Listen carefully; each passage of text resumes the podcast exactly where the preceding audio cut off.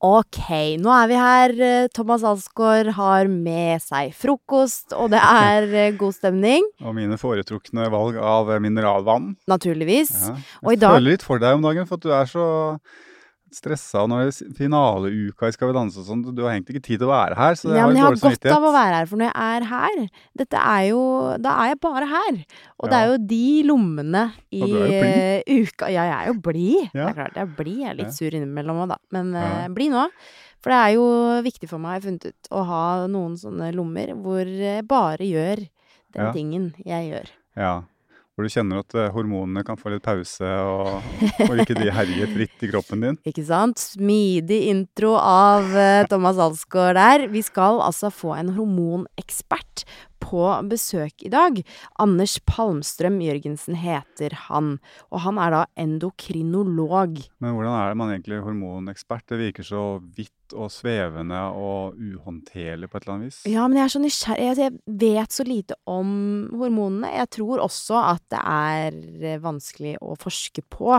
Eh, men ikke sant, det er så jeg, Som kvinne, eh, må jeg bare si. Ja, det er så galt å si det. Kjønnsdiskriminerende nok, så tenker jeg at det er kvinner vet nok mer om hormoner og sine egne enn menn. da, At vi er kanskje veldig mye Jeg vet jo ikke så mye om de, men jeg har jo kjent de veldig Ja. mye. Eh, særlig da så har vi jo eggløsning en gang i måneden cirka. Eh, Jeg har ikke nødvendigvis hatt eh, det, så det er jo store variasjoner individuelt på det også. Og så har jeg jo vært gravid, som var et eh, sant lite helvete for min del. Kjente ikke igjen si min Jeg syns det var Skal ikke det forferdelig. være den flotteste tida i livet? Jo, mange sier det, men mange eh, har nok også litt samme erfaring mange, meg. mange er også ærlige. Mange er også ærlige, ja. Mange er også ærlige om det. Uh, og også fått uh, Altså, jeg er jo nå Jeg har jo småbarn, ammer. uh, kjenner jo at det er mye rart som, som funker i kroppen, da, for min del. Takk Ja, og gud. Og da blir jo dette, da blir hormoner ofte sånn skjellsord. Gjør Ja. ikke det? Jo, det er jo også det sånn Nei, du er bare hormonell om dagen. Bare, ja, det er det går over. Blir så sinna, liksom. Ja, eh, hvorfor det? Ja.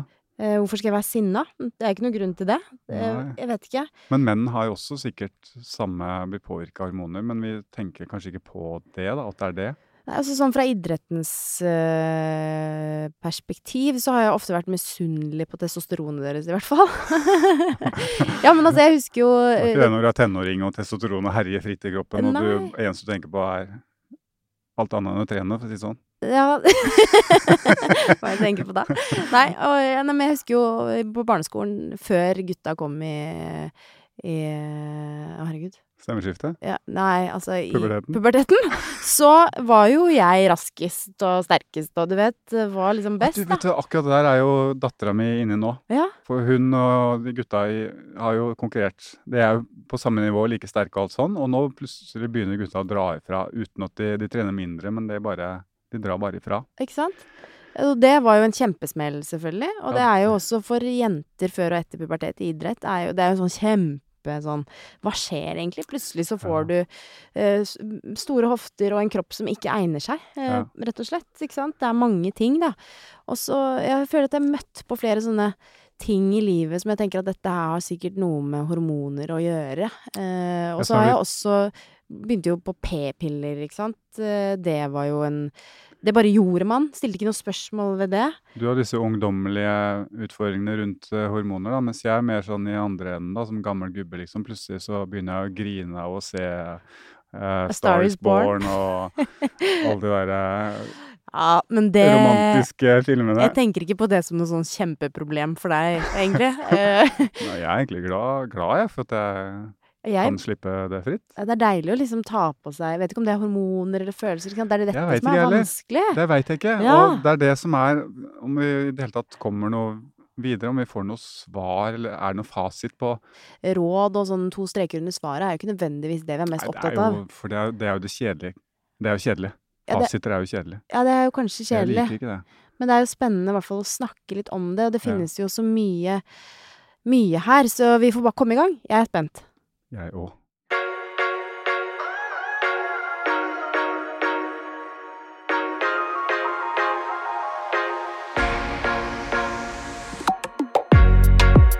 Da eh, ønsker jeg velkommen til deg, Anders. Med det har jeg lært nå, eh, Jørgensen, som da jobber ved Oslo universitetssykehus.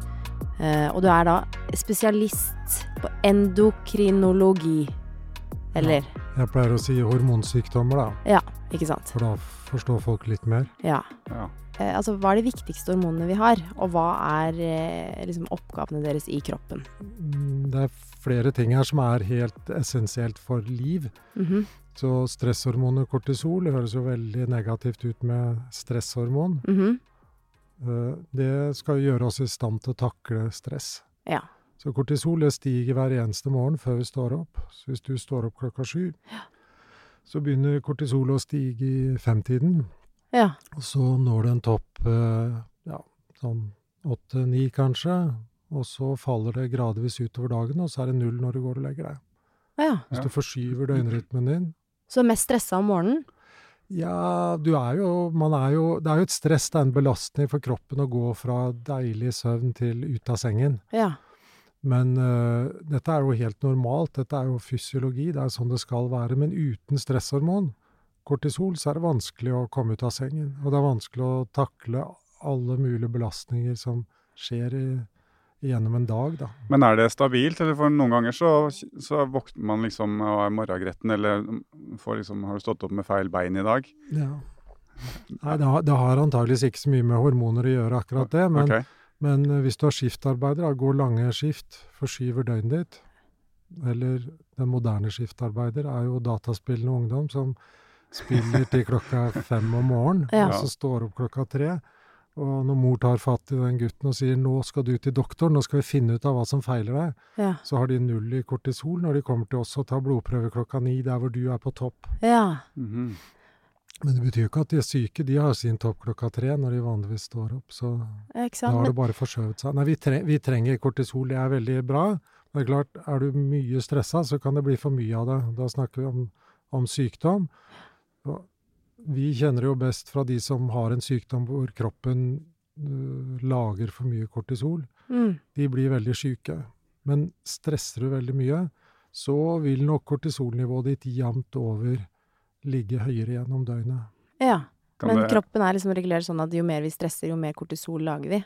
Det er nok sånn, og aller mest stressa, det er kanskje de som er tungt deprimerte. Snakker ikke om sånn litt sånn novemberdepresjon som vi som alle kjenner litt på nå, men sånn tung indre depresjon. Ja. Da går det med høyt kortisolnivå hele døgnet. Og det, og det kan eh, og det kan lure oss når vi skal stille diagnoser, da, for at da hjelper det jo ikke å, å begynne å, å operere i hypofysen eller binyrene, som kunne være aktuelt da, fordi Ja. da er det jo en annen forklaring. Ja. Og mørketida Ja. eh, Noen tåler ikke det, og, og man har vel sett på det at kortisolnivået i, i mørketida ligger høyere. Men også om sommeren, når det er lyst hele dagen, Ja. når du tuller med døgnrytmene våre og sånn, så skjer det ting som kanskje ikke er så bra. Men, Men så kan både lyset og mørket kan påvirke Ja. at du får høye verdier? ja. Ja. mm. Uh, og sånn fun facts, da, så er det gjort studier på testosteronnivå, det er mannens uh, hormon. mhm. Kvinner har også litt, da, men det er jo viktig for å, for å bli mann da, å ha testosteron. Så har man sett på det i, i Tromsø, nord for Polarsirkelen. Og hva tror dere, når er testosteronnivået høyest? Høyest? Eller lavest? Altså på dagen eller i alder? Nei, I ja, alder? På dagen så er det høyt om morgenen og lavt om kvelden. Det er Ja. også sånn som kortisol. Men, men sånn, hvilken tid på året er testosteron Er sommeren, høyest? Jeg, vil, jeg ville jo trodd det i juni. Ja, Ja. da er det lavest. Nei! Og han som skrev den artikkelen, eh, han eh, prøvde å forklare det med at da satt man ute og drakk øl, og det å drikke øl og, Ja. og legge på seg liksom sånn. Ja. Ja. Men antagelig er det sollyset, altså. Men er det litt At sånn det er stress. Er det litt at kroppen måtte skru seg på at på sommeren så, så er ting så lett uansett, mens på vinteren da trenger vi det? Da trenger vi en boost, eller? Ja, det var en hyggelig forklaring, men Ja. jeg tror det har med at det er stressende. Du, har dere vært i ø, sånn midnattssol? Oh, ja, Ja. Det, er jo, det er jo litt vilt, men du blir jo sprø av det hvis du skal sove så lite. Og antagelig har det med det å gjøre. Jeg, jeg tror på det. Det er Ja. gjort tilsvarende studier i, i Nederland Ja. som ikke viser sesongvariasjon, da. Ja. ja. Jeg har jo hytte på Helgelandskysten. Vi er der hele sommeren. Og det er klart når klokka er tolv-halv ett og sola skinner, så er det jo Du kan jo ikke gå og legge deg. Det går ikke. Ja. Det er, det, kroppen eh, vil ikke være med på det. Og det er jo trøblete, da. Ja. Så det er jo litt sånn slitsomt òg, på et vis. Ja, veldig. Hey, I'm Ryan Reynolds. At Mint Mobile, we like to do the opposite of what Big Wireless does. They charge you a lot, we charge you a little. So naturally, when they announced they'd be raising their prices due to inflation, we decided to deflate our prices due to not hating you. That's right. We're cutting the price of Mint Unlimited from $30 a month to just $15 a month. Give it a try at mintmobile.com slash switch. $45 upfront for three months plus taxes and fees. Promo for new customers for limited time. Unlimited more than 40 gigabytes per month. Slows. Full terms at mintmobile.com. En annet eh, stresshormon eh, kom på når du snakket nå. Jeg drev jo med snowboard en periode eh, i livet, eh, som er jo en sånn eh, Det var mye adrenalin eh, over Er adrenalin et hormon? Ja, er det ikke det? Jo, det er, adrenalin er både hormon og nervetransmitter. Altså den, den kan eh, formidle nervesignaler, brukes i nervesystemet i, i de koblingene. Ja.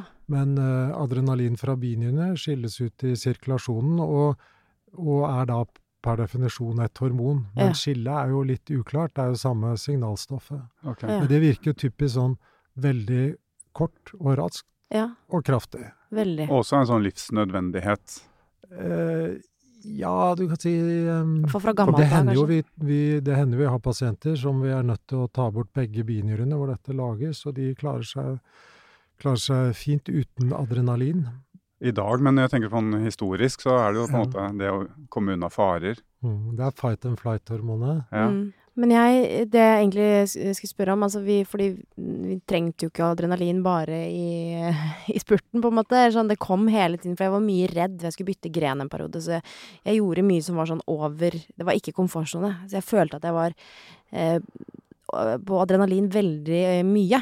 Og etter en sesong så kjente jeg at jeg, jeg kom meg aldri ned igjen. Jeg følte at det liksom at, jeg, at det var veldig mye stress i kroppen. Er det gjort noe forskning på hva mye adrenalin over tid gjør? Eh, Er det sunt, liksom? Eller er det Det er vanskelig å måle, sånn at det er eh, Altså, det er ikke lett å måle adrenalin. Det har veldig kort sånn levetid i blod. Ja. Så det er gjort eh, studier på, for å forsøke å forklare ME. Har det noe med Ja. adrenalin og fetteren noradrenalin å gjøre? ja. Eh, De tror jeg ikke klarte å konkludere med noe. Kanskje muligens litt sånn høyere nivåer, fordi det er stress over tid. Jeg tipper at en eh, dypt deprimerte kan ha høyere nivå også av adrenalin, men, Ja. men øh, Og det kan være andre ting enn hormoner ute og går her, når man kjenner på det, at man må ha litt den følelsen at, det, at du har litt hjertebank for å kunne prestere. Mm.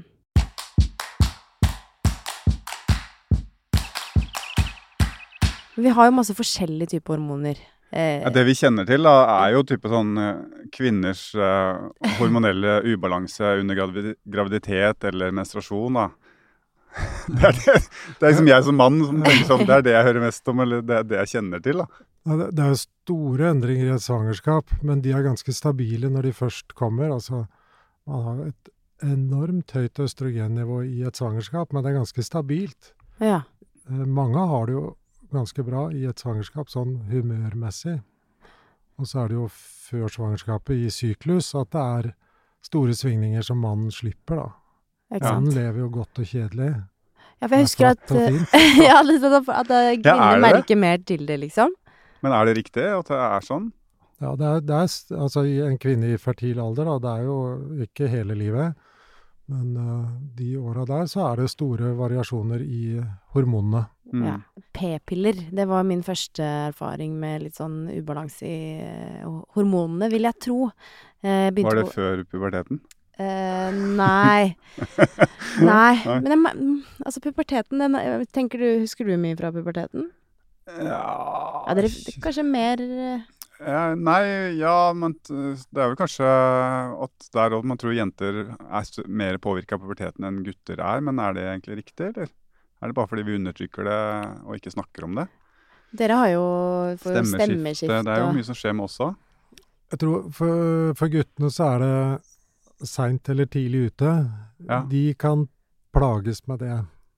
Ja. Eh, Med mindre du gjør det der til en seier, da, at du var først, liksom. Så, Ja. men, men eh, det kan jeg huske at, eh, at noen eh, var brydd av å gå i dusjen, liksom, når de kom tidlig i puberteten. Ja, jeg husker jeg var på skirenn hos 14-åring, og konkurrentene kom med bart, liksom. Det, Ja. Da var det tungt. Så, Ja. og, og særlig det å være sein. Ja. Det, det, det kan være tøft for mange. Men jeg spør jo pasienter om det. Sånn når kom det Ikke alle, da. Men hvis det er snakk om testosteron, dette her. Når kom puberteten? Og, og de som Gutter 13-14 år, 15 kanskje, de husker ikke når det kom. Nei, ja, når Mm. skjedde det? Ja, bare skjedde. Ja, Mm. var du sein eller tidlig? Jeg husker ikke. Det er typisk en som har eh, Ja. liksom kommet i, den, i midtfeltet. Det er Ja. meg, det. Ja. Kjenner meg er du sein, Ja. så husker du det. Da Ja. er det sånn litt flaut å gå i dusjen fordi du ikke har noe behåring og de der tingene, mens de andre står og sveiver med stellet sitt. Det er ikke gøy. Så det er ikke noe for gutta, er det egentlig mest en sånn mental greie. Men det er jo det for jentene også. Altså, jeg begynte jo et år for tidlig på skolen, så jeg var jo ganske sein.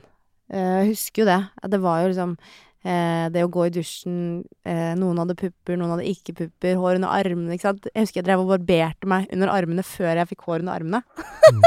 fordi, jeg liksom skulle, fordi jeg hadde hørt at da fikk man mer hår, ikke sant. Ja, det husker jeg også. Mm. Så, eh, men ja, p-piller eh, Hvordan Altså, vet vi nok om det? Fordi jeg opplevde i hvert fall sånn når jeg ser det i ettertid, eh, og ser på meg selv i den perioden jeg gikk på p-piller, så ser jeg ut som en annen person. Jeg var veldig oppblåst eh, i Jeg gikk opp veldig mange kilo. Jeg trente jo masse, spiste bra, eh, men jeg var altså veldig Det Ser ut som jeg har mye vann i kroppen, liksom. Naturen gjør jo den hormonelle variasjonen mye mer elegant antageligvis enn en p-pille gjør, da. Eh, Det, burde jo vært lett å lage en p-pille for mann. Ja. Ja. Så hadde man eh, Men det har man ikke helt fått til. Det skal noe til å slå ut den der eh, sædcelleproduksjonen. Ja. Det er mye enklere hos kvinner. Der skal det modnes ett egg av gangen, og det er lettere å skru av det. Men det, altså, p-piller påvirker deg jo. ja, det er det ikke noen tvil om. Noen, øh, noen legger på seg p-piller. Noen uh, får helt flatt og kjedelig hormonelt nivå. Ja. Nei, men jeg husker jo at jeg var Jeg husker også, skjønner du det, at jeg kom hjem og så sa jeg til mamma jeg føler ikke noe. Eh, og da var jeg ganske ung, liksom. Ja. Jeg, jeg var, ble veldig sånn eh, avstumpa, på en måte. Eh, og det var skummelt. Og når jeg slutta med det, så var, gikk det seg til igjen. Så det må jo være Altså, hva, hva er det jeg har fått for mye av, eventuelt? Altså, p-pille er jo to ting, hvis du ikke snakker om minipille, men en Mm. sånn vanlig p-pille har jo et østrogennivå. Og på de moderne p-pillene så er det litt østrogen i starten, og så er det mer mot midten. Og så fra midten og ut så legger man til dette progesteronet, da, som er, som er det andre hormonet i en menstruasjonssyklus for en kvinne. Eh, Det jeg tror eh, Ja, det, det er ikke alle, men mange opplever, vi er sikkert i varierende grad følsomme for disse tingene, det er jo at, at man, eh, eller mann, hun, kvinnen blir eh, litt flatere følelsesmessig. eh, Har ikke denne voldsomme østrogenstigningen som kommer rundt eggløsning. Eh, Så kvinner er jo fruktbare ca. en dag før eggløsning. Og inntil sånn ja, fem dager etter eggløsning, det er, det er det fruktbare vinduet. Mm. Og vi er jo, ja, så vidt jeg vet, det eneste arten som, som har sex utenfor det fertile vinduet. Mm. Sånn, jeg har hannhunder, de er jo helt, eller har bare hatt hannhunder, de er jo helt uinteressert i, i tisper hvis de ikke lukter løpetid. Mm. Altså totalt. Ja. Og når løpetid er der, så er de helt blinde. Ja. Da spiller det ikke om det er, eh, altså om det er en bitte liten hund eller en diger hund, da er det Hva som helst. da er det på. Så mennesker er litt uh, annerledes der. Mm. Men vi har allikevel det vinduet hvor, hvor uh, kvinner nok har mer lyst. Sånn Ja. på grunn av biologien og hormoner. Ja. Det er ikke, det er ikke Vi har ikke altså, Evolusjonen har ikke fratatt oss det der. Og, Og uh, noen menn kan sikkert merke det. Mm.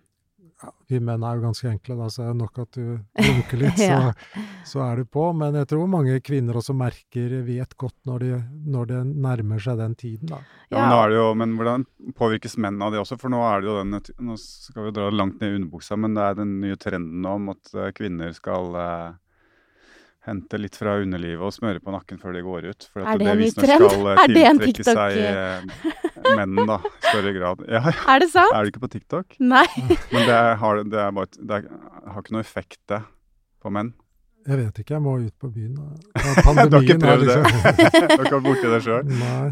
Ja, det er eh, sjukt. Men fordi det er jo sånn at eh, Jeg har jo hørt at um, hvis man syns at partneren Eller at noen lukter godt, så er det viktig for eh, At det kanskje betyr at man er en god match, eller altså Ja, sånn Ja, er, da mener du ikke parfymen, liksom, men eh, ja, den, den du naturlig lukter godt, da. Ja. Mm, ja, det er sånn T-skjortetesting. Ja, Jeg tror på det at lukt er viktig. at det er Ja. viktig. Ja, for det tror jeg også husker å lese en gang, at når vi, hvis vi blir forelska i noen, så skiller vi, skiller vi ut noe ekstra, eller hormon som skiller, gjør at vi skiller ut litt ekstra lukt da, av oss sjøl. Kan det være noe? Det, det, er, det noe der, men Ja. hva, hva som skjer under forelskelse og, noe sånt, det er jo mye rart. Hvor, hvor eh, mye av de vanlige hormonene jeg holder på med til vanlig, som er involvert i det. Ja. det skal jeg ikke si at jeg vet. Men uh, oksytocin jo, får jo mye av skylden for, for lykken i livet. Selv om vi er ute etter eh, homeostase, eh, balanse, så vil jeg si at det er noen gode hormoner og noen mm, ikke så gode hormoner.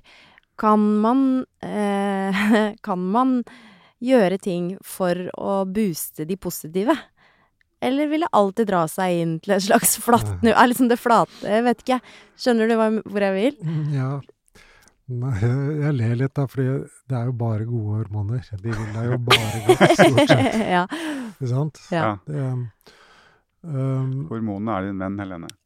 ja, men jo, det er det. ja. Men eh, altså en, en kvinnelig syklus da, i motsetning til en mann som uh, sant, han uh, som en bikkje springer rundt og venter på at det skal dukke opp en med løpetid, og da våkner interessen. Men, men sant, det er ikke, det er ikke mennene som er i brunst. Nei. Det er jo, det er jo hunnkjønn Ja. som er det. Og, eh, så det er mye variasjon, og det påvirker og humør og stemningsleie. Og eh, dette progesteronet da, som, eh, som eggstokkene begynner å lage når, når det har løsnet et egg, ja. det er jo til for at man skal få god fylde i livmorslimhinnen, sånn at et befruktet egg skal kunne sette seg fast der og trives og gro. Ja. Og det drar jo med seg noen andre ting. Det binder opp eh, litt vann i kroppen i varierende grad. Og eh, det er nok svingninger i progesteronet som eh, kan påvirke psyken til en del kvinner, da. Sånn type PMS-problematikk. ja, ikke sant? Fordi progesteronet det ligger ganske høyt i perioden etter eggløsning. Og når det ikke kom noe befruktet egg, så faller det plutselig fra 100 til 0. Så da eh, føles det jo ikke som man er i homeostase, i hvert fall. Da er man ikke i homostase. og dette er jo eh, Noen har jo ikke plager med dette i det hele tatt. Andre har ganske alvorlige plager med det. Eh, jeg har snakket litt med forskjellige folk, sånn eh, selskap, sånn eh, middag, liksom sitte og prate med hun du ikke kjenner ved siden av, og så har de aldri tenkt på at det var sånn, eller at de var, hvorfor de var sinna, eller sånt. Fordi noen blir jo det. Mm. Så jeg tror jeg øh, egentlig er litt eh, underkommunisert Ja. eh, problem. Og jeg tror en del kvinner skammer seg for å, for å ha det sånn. Men kan Mm. man gjøre noe med det? Åh. Uten å bli gravid, da? For da, da Ja, man, ja, man kan bli gravid, eller så kan man vente på de gode tider da, når, når, det er, når det ikke er flere egg igjen å modne, og man går i, i menopause. Ja. Mm. Da er de svingningene borte. ja. Jeg vet jo ikke, ikke sant, men kvinner det, Dette er jo når, når eh, ting varierer naturlig gjennom en syklus, så, så er det jo på godt og vondt. Men det gjør jo kanskje at det er noe som tvinger på en annen type refleksjon da, enn en mann som bare går og venter på at noe utenfor en skal skje. Mm. Jeg gikk jo på sånne mm, Da jeg var aktiv, så fikk jeg sånne mensutsettende piller. Vet du hva de egentlig inneholder? Ja. Hva Progesteron, da. Ja. Hvordan kjentes det, hvis jeg skal Eh, ta det videre? Ja, nei, jeg merket ikke så mye til det, egentlig. Nei. Eh, ikke som jeg tenkte over, i hvert fall. Så det kan nok være at uh, For da, det blir jo som når, når det ikke blir et befruktet egg, så faller progesteronnivået. Da skal vannet ut av kroppen, og, og det er nok den perioden hvor, uh, hvor en del kvinner kan oppleve at det er mest sånn trist eller sinna, eller Ja. Jeg pleier å si det er fordi de er skuffet over mannen. Han klarte ikke å gjøre meg gravid i denne Mm. syklus heller. Så sånne piller vil egentlig få meg til den kjipeste delen av syklus? Ja, når du slutter med de, så kan man i hvert fall teoretisk eh, tenke det. Og så kan det jo være at det ikke er så mye progesteron i de pillene som i en eh, normal syklus, eller det det innebærer. ja.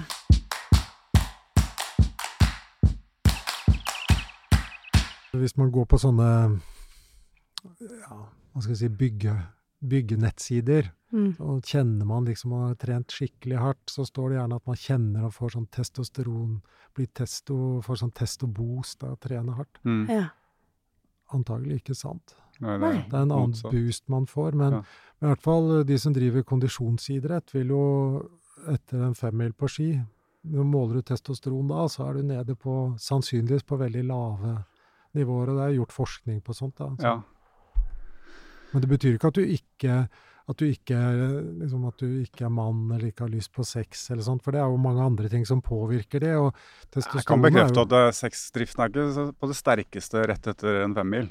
Det er den ikke. Er det Nei. Av alle ting! Thomas Det har jeg personlig erfaring med. Men det jeg derimot har hørt rykter om, er jo at noen har gjort det motsatte. At de har hatt sex rett i forkant av en konkurranse. I den uh, forståelse at det skal gi de testosteron, økt testosteronnivå og høyere prestasjon. Men om det er noe sannhet i det, det vet jeg ikke. Det er vel en sannhet at man i et eller annet fotball-VM til et eller annet lag Ja, da har man ofte nekta spillerne å sex. ofte nektet det, men det var, man har prøvd det motsatte òg, fordi Ja. man var inne på det du er, for å se om det kunne liksom eh, booste energinivået. Sånn eh, rett før kamp så blir man jo glad og likegyldig etter kanskje sex, og det tror jeg ikke jeg vil anbefale, men sånn kvelden før Mm. Jeg tror det skjer veldig lite med testosteronnivået Ja. dagen etter, da. Ja. Mm. Lykkehormoner, da, sånne som jeg tenker på som gode hormoner. da. Oksytocin, eh, endorfiner. Eh, em, hva gjør de med oss? Lykke. Det er lykkefølelse. Nei, det er jo litt vanskeligere å forske på endorfiner og sånt. Hvor skal man måle det, ikke sant? Det, det er vel ikke nødvendigvis sånn at det bare strømmer rundt i blodet. Det er vel noe som går i, litt mer ut på i nervesystemet. Er litt vanskeligere å være der og måle det. Ja. Kort virketid, kanskje. Kort tilstedeværelse i blod. Eh, oksytocin har jo et par andre viktige funksjoner i kroppen, da. Bortsett fra å spre lykke. Ja, Og det er jo å, å slippe melken når du skal amme. ja. Eh, Så er det oksytocin fra hypofysebaklappen som, som får det til å skje, at du slipper melken. Mm. Og for å få livmoren til å trekke seg sammen etter du har født. ja. Mm. Dette er jo stort ø, åpent sår inni livmora når, når morkaken forsvinner. Mm. Og for at den ikke skal fortsette å blø, så må den trekke seg sammen. Og det er det oksytocin som gjør. Ja, Mm. det kan Også, sikkert alle ammende kvinner kjenne seg igjen i. I hvert fall eh, kjente jeg vel det, at eh, i hvert fall særlig rett etter jeg har født. Så når jeg ammer, så Ja. gjorde det veldig vondt. Nettopp. Men ø, ø, menn har jo også oksytocin, og igjen da, det er jo skrevet masse om det, hvor mye som er sånn Ja, og vi, vi Bortsett fra at vi gir oksytocin til kvinner når de skal føde, eventuelt når de skal amme, så bruker vi jo ikke det hormonet. Det er ikke noe sånn vi utreder og behandler. Jeg er jo lege, selv om jeg sitter her og prater i vide og brede om hormoner og trening. Mm. Men eh, eh, man mener vel at eh, det frigjøres oksytocin eh, hvis man har hatt det hyggelig sånn seksuelt, at det, at det er et, en av de substansene da, som gjør at man blir trøtt og salig, kanskje. Etterpå, I hvert fall menn, da. Mm. Ja. Så det, det mm, men, men vi, det er jo ikke sånn at vi vi, vi bruker jo ikke dette i noe behandling, og hvordan vi skal påvirke oksytocinnivået vårt. Ja, for jeg fikk en historie av en venninne her om dagen som var så fornøyd. Hun måtte fortelle det fordi at uh, hun uh, hadde fått vite det igjen. Det, det er en sånn historie som går uh, i ammende kretser. så jeg vet ikke om du vet noe om mengde oksytocin som slippes ut når man ammer, men det hun sa, var i hvert fall at Så det er fint å få avklart. Er om, hun sa at når man ammer, så slipper man ut så mye oksytocin at man på en måte er tilfredsstilt, sånn kroppslig og fysisk. At man ikke trenger den sexen nødvendigvis når man ammer. Eh, og at det er mer enn ved en orgasme, for eksempel. Slippes også eh, oksytocin ut ved orgasme, både hos kvinner og menn. Ja. Vi kan si ja. Vi kan si ja. Vi sier ja til det. Ja. Så fall sånn, eh, det kan i hvert fall forklare, da, eh, dere der hjemme. Hvis eh, dere har en ammende kvinne der hjemme som ikke nødvendigvis er så på om dagen, så er det fordi hun rett og slett kanskje ikke trenger det, da. Ja, eller er en søt forklaring. Men, eh, men eh, amming er jo også et slags prevensjonsmiddel. Ja, det I- sa de i- til meg også. Ja. Nei, men Det hjalp ikke stort, det. Nei, nei da, man kan ikke stole på det, men det er jo, det er jo grenser for hvor smart det er å få eh, sånn i, i hva skal jeg si, evolusjonssammenheng, så bør man jo få den der lille man har sånn noenlunde opp å gå, før man begynner på neste runde. Og øh, det å amme, øh, da skiller man ut et annet hormon som heter eller i ammeprosessen, da, så, så prolaktin stimulerer til melkeproduksjon i brystene. Yeah. Og prolaktin, det hemmer hypofysens eh, L- og FSH-hormoner, yeah. som er det som lager en syklus. Så ved å amme, så undertrykker du det å få tilbake menstruasjonen. Mm. ja, ikke sant. Det går i hvert fall fra seks til ni måneder vanligvis til man får tilbake menstruasjonen, og det har med amming og prolaktin å gjøre. Men uh, hvorfor, er det sånn, hvorfor reagerer kvinner og menn så forskjellig på altså i etterkant av sex? Nå har jeg bare et Jeg har ikke noen stor gruppe mennesker som er i min forskning. Det er en veldig veldig liten gruppe, men menn blir veldig trøtt og, og Det er veldig gøy at vi har sånn Vi har sånn G-punktet-podkast Ja, i vi dag. har, vi har Ja. egentlig tatt over for G-punktet. Mens kvinner blir veldig oppspilt og, og, og får mye energi, da. Og at gutter Jeg- jeg- Det er kanskje ikke riktig, da. Ja. at gutter sovner. Ja, jeg tror det. Gutter.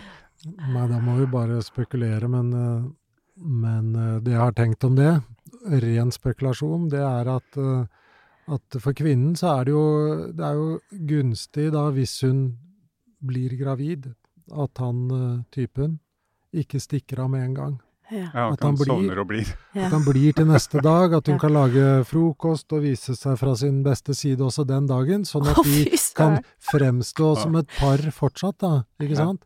Hvis han eh, blir eh, yr og vill og bare skal ut på en ny runde, Ja. skal treffe en ny dame, for dette var gøy, Mm. Det, er, det er jo ikke det man eh, Nei, men det hadde vært mer frem- gunstig om han lagde frokost, tenker jeg, hvis Ja, hun det må kan være hende han gravid. gjør det. Og det høres jo ut som om eh, som, eh, som om alt handler om at kvinnen skal få mannen til å bli. Mannen er jo minst like avhengig av kvinnen kvinnen som eh, motsatt. Men, men eh, sant? Hun Det er jo hun som bærer det barnet, og hvis han stikker av, så er det, det er både litt dårlig gjort og ganske dumt, fordi da blir hun gående aleine med, med ungen. Mm. Så hvis han legger seg til å sove og blir til neste dag, så har han roa seg litt ned. Mm. Og kanskje ikke så stor sjanse for at han skal ut på nye eventyr. Eventyr. Men vi snakker mye om eh, hvordan hormoner påvirker kvinner under graviditet, men hvordan påvirker det oss eh, menn da? Gjør- det det i noen grad? For det er jo eh, noe der som, eh, som skjer i, i oss, eller det har, jeg har jo kjent det sjøl, at det er noe spesielt. Ja. Nei, du Så du er vel passelig følsom mann, da, som, sant, som eh, reflekterer litt omgivelsene. Jeg tror ikke det skjer så mye hormonelt med, med mannen. Um, det fins jo noen uh, uh, kulturer, sånn ja, Man skal ikke si primitive, da, men mer primitive kulturer, hvor man har hatt som skikk at mannen også skal gjennomgå et slags sånn eh, svangerskap. Da, jeg tror de kaller det kuvad, eller et eller annet sånt, hvor mannen går og legger seg i sengen og liksom er medgravid og sånt, da. Ja. Ja.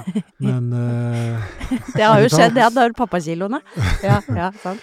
Nei, men en, ikke sant, er man eh, noenlunde var for partneren sin, så er man jo med litt på det som skjer. Ja. Men jeg tror ikke det skjer så mye hormonelt i, i mannen. Så de tankene og det som skjer oppi hodet med å vite at man skal bli far, det, det preger ikke noe hormonell produksjon av noe grad? Ikke som jeg vet om. Jeg Nei. tror ikke det.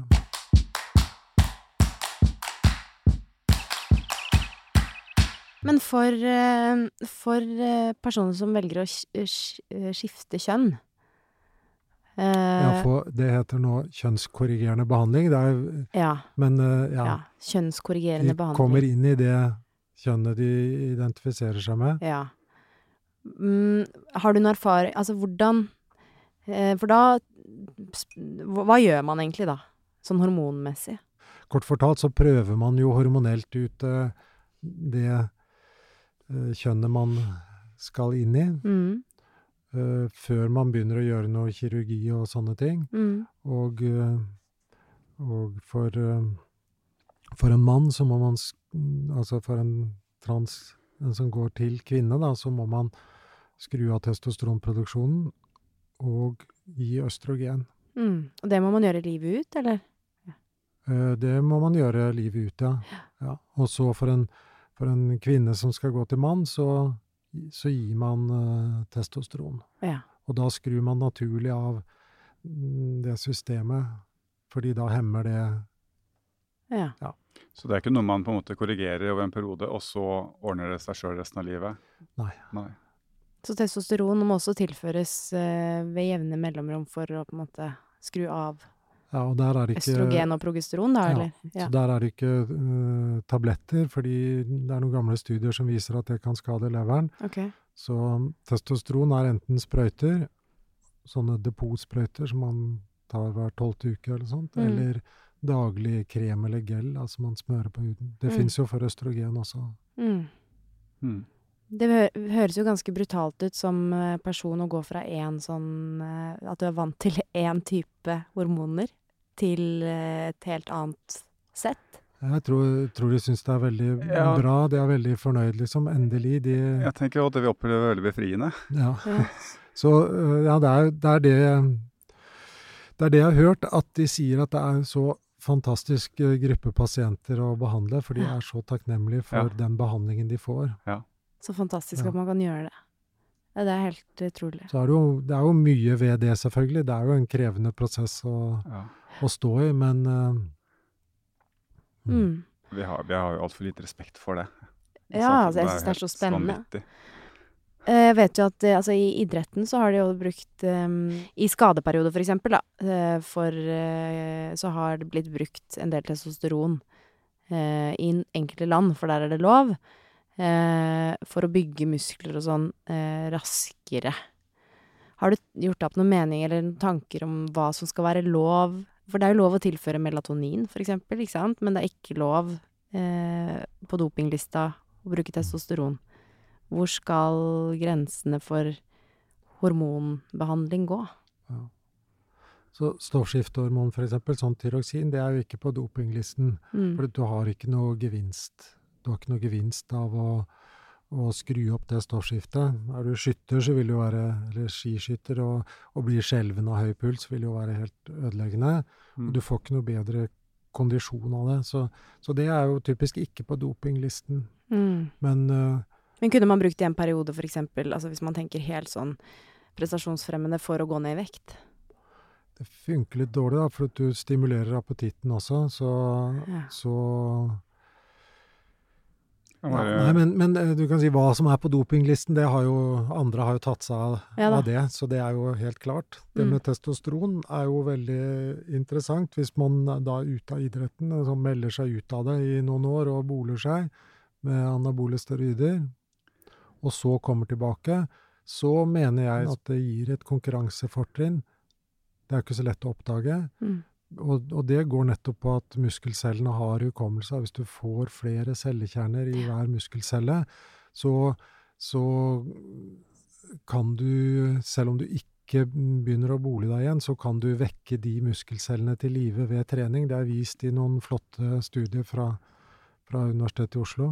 Mm, Muskelminne, liksom. At det er en hukommelse der sånn. Så de, at du har et fortrinn da, som du tar med deg Så Det er masse eksempler på det, særlig innen sprint, hvor Mm. ganske middelmådige kvinner har vært skada, typisk i to år, og så kommer de tilbake og er Ja.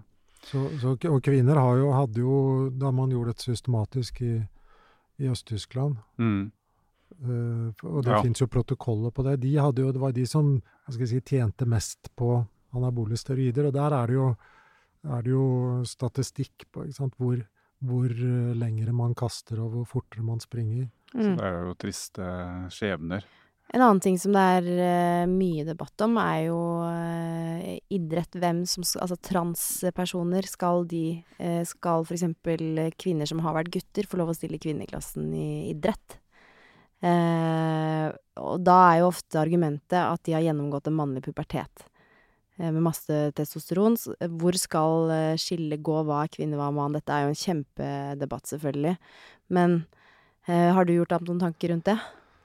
Mm, Ja, det er jo Jeg tenker at det, at det nesten burde være en egen klasse. Ja. Altså, det er jo hukommelse. Eh, Noe av det testosteron gjør, eh, er jo å øke antall eh, cellekjerner i muskelcellene. Det er, det er vel, så vidt jeg vet, det eneste cellene, eller cellesystemet i kroppen hvor du har flere kjerner per celle.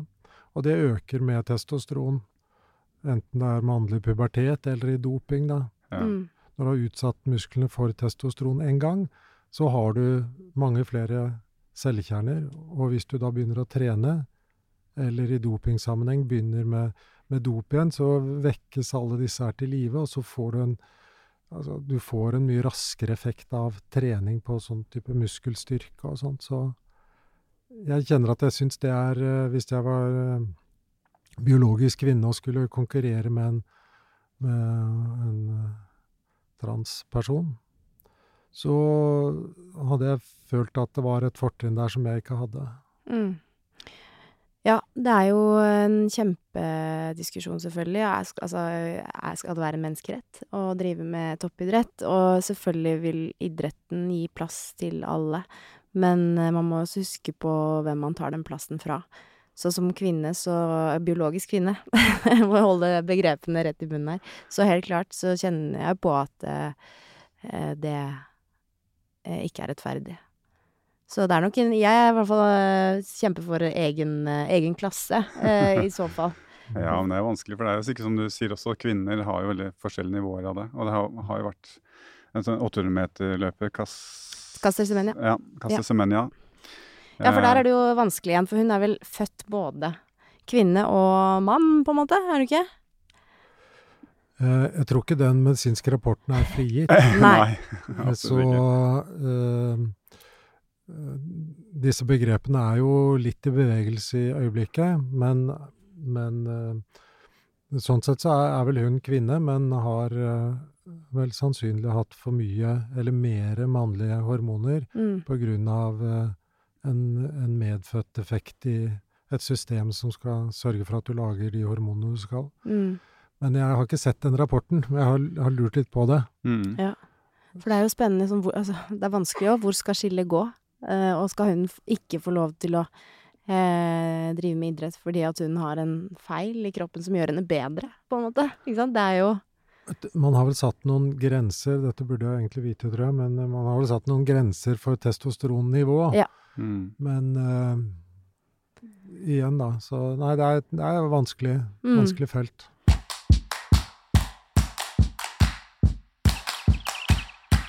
Hva tenker du vi må vite, da, om uh, hormonsystemet, om eh, hormonene som uh, ja, feier gjennom oss? Ja, det er jo ikke så, ikke så mye man kan gjøre uh, til, fra eller til med hormoner. Altså, man kan leve sunt og trene passelig mye og ikke legge på seg og sånt. Det er jo gunstig hvis man skal ha det godt og leve lenge i landet. Akkurat det der med vekt og sånn er jo kanskje litt overfokusert nå, da. Sånn, har du BMI, eller kroppsmasseindeks, på 7-28, så eh, så vidt jeg vet, så har du vel da eh, best forventet leveutsikter. Altså Mm. være sånn litt over den der standarden. Mm. Men eh, hvis, man, hvis energien og gnisten blir helt borte, så er det jo lov å gå og snakke med en doktor og, og lure på om det er noe med hormonene. Men vanlige, friske folk skal jo ikke ha hormonell erstatningsbehandling. Mm. Nei, det har vært eh, veldig spennende å snakke med deg. Jeg føler at vi har i hvert fall fått eh, gått gjennom mye av det vi lurer på. Eh, jeg lurer fortsatt på mange ting, men sånn er det jo. Det er jo man må starte et sted. Det er jo eh, sikkert masse man kan forske på og finne ut av. Absolutt. Det har vært veldig hyggelig å ha deg besøkt. Eh, Tusen takk for at du kom. Hyggelig å være her.